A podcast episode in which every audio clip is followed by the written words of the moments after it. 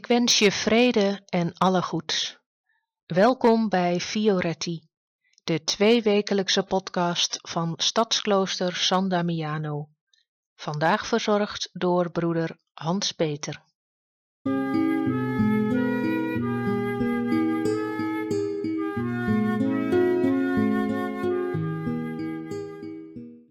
De tweede podcast die ik voor Stadsklooster San Damiano mocht maken, nadat ik vorig jaar januari hier was komen wonen, kreeg als thema liefde. Dat thema kreeg ik toebedeeld. En bij het verdelen van de onderwerpen voor de huidige reeks kreeg ik het thema nogmaals in de schoot geworpen. Tja, daar kan je van alles van denken, maar ik ga maar vanuit dat ze me vooral een lieve medebroeder vinden. nou ja, goed, daar gaan we dan. Ondanks het feit dat God niet mannelijk of vrouwelijk is, of beter, zowel mannelijk als vrouwelijk is, wordt God toch vaak aangeduid als vader.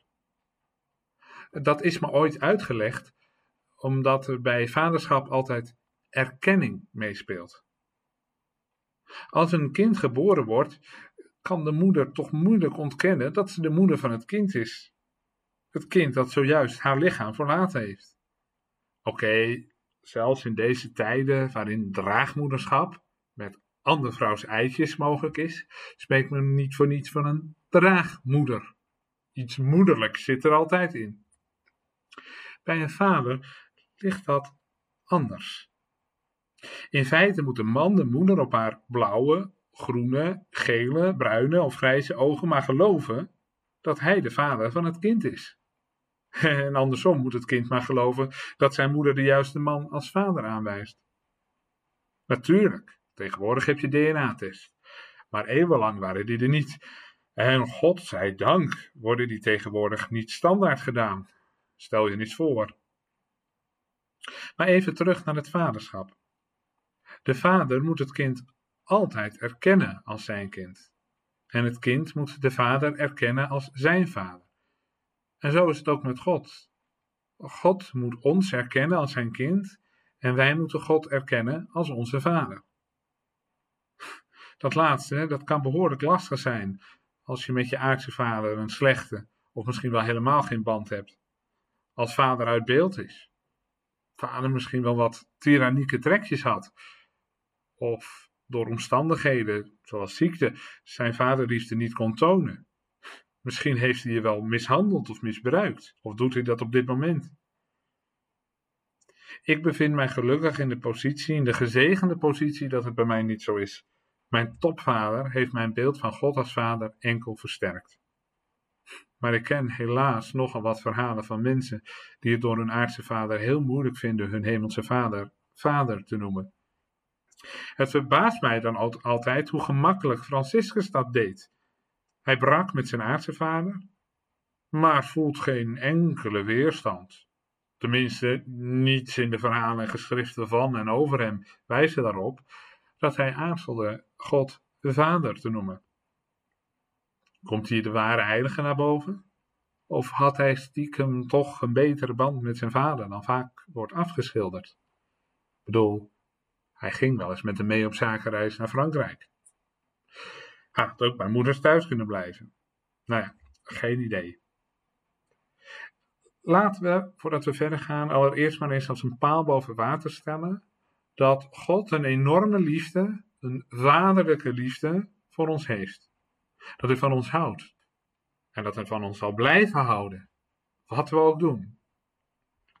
Mijn aardse ouders spraken de mij nog altijd dierbare woorden toen ik hem vertelde dat ik erover nadacht Franciscaan te worden, en zij nog totaal onbekend waren met het Franciscaanse leven in de 21ste eeuw, als jij denkt dat je er gelukkig van wordt, moet je het vooral doen. Zo is het ook met God. Die denkt ook geregeld. Als jij denkt dat je er gelukkig van wordt, moet je het vooral doen. God kan niet stoppen met ons liefhebben. Gewoon omdat Hij dat niet wil. En er altijd van overtuigd is dat je zijn kind bent. Wat je ook doet. Gods eigen woorden in de Bijbel maken dat duidelijk. Zo doet God zich bijvoorbeeld in de woorden van de profeet Hosea voor als liefhebbende ouders die spelen met hun kinderen. Er staat: Met zachte leidsels heb ik hen getrokken, met banden van liefde. Ik was voor hen als degene die een kind optilt en tegen zijn wang houdt. En de profeet Jesaja laat hem zeggen: Zal een vrouw haar zuigeling vergeten, een liefhebbende moeder het kind van haar schoot? En zelfs als die het zou vergeten, ik vergeet je nooit. Kijk, en dat is het mooie van God. Hij, zij, het is zo groot en alomvattend dat je God net zo hard moeder mag en kunt noemen. Of opa. Of oma. Maak maar een vergelijking die bij jou warme gevoelens oproept. En God zal denken, als jij denkt dat je er gelukkig van wordt, moet je het vooral doen.